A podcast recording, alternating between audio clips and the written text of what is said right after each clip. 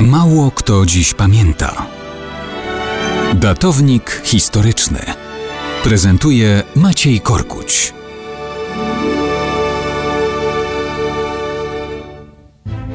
Mało kto dziś pamięta, że 5 września 1939 roku brytyjski gabinet wojenny mógł zapoznać się z wynikami rozmów brytyjskiego szefa sztabu sił powietrznych i szefa imperialnego sztabu generalnego z francuskim naczelnym wodzem generałem Mauricem Gamelin. Wczoraj opowiadaliśmy, że dzień wcześniej Brytyjczycy omawiali zasady skoordynowanej akcji brytyjskich sił lotniczych z francuską armią lądową przeciw więcej niż symbolicznym siłom Niemców na zachodzie. Wszystko dla odciążenia walczącej Polski. To było właśnie to, na co czekało miliony Polaków.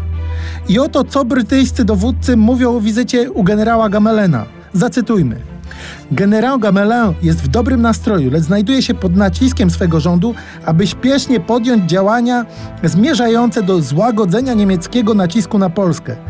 Generał opiera się tym naciskom. Koniec cytatu.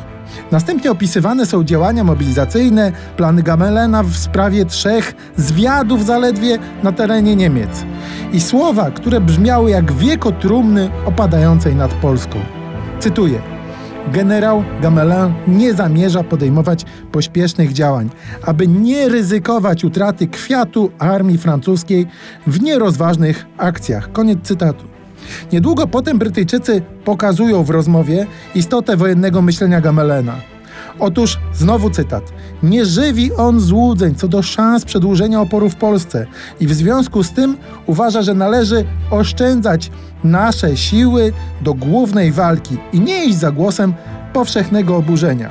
I tak sobie wymyślił, że losy wojny rozstrzygną się na zachodzie, a nie w Polsce. I zapłacił za to wielką cenę.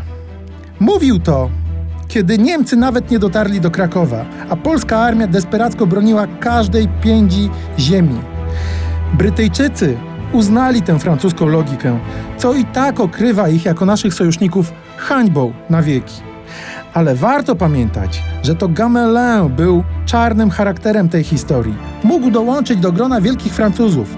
Sprzedał niepodległość Polski, przegrał wielkość Francji.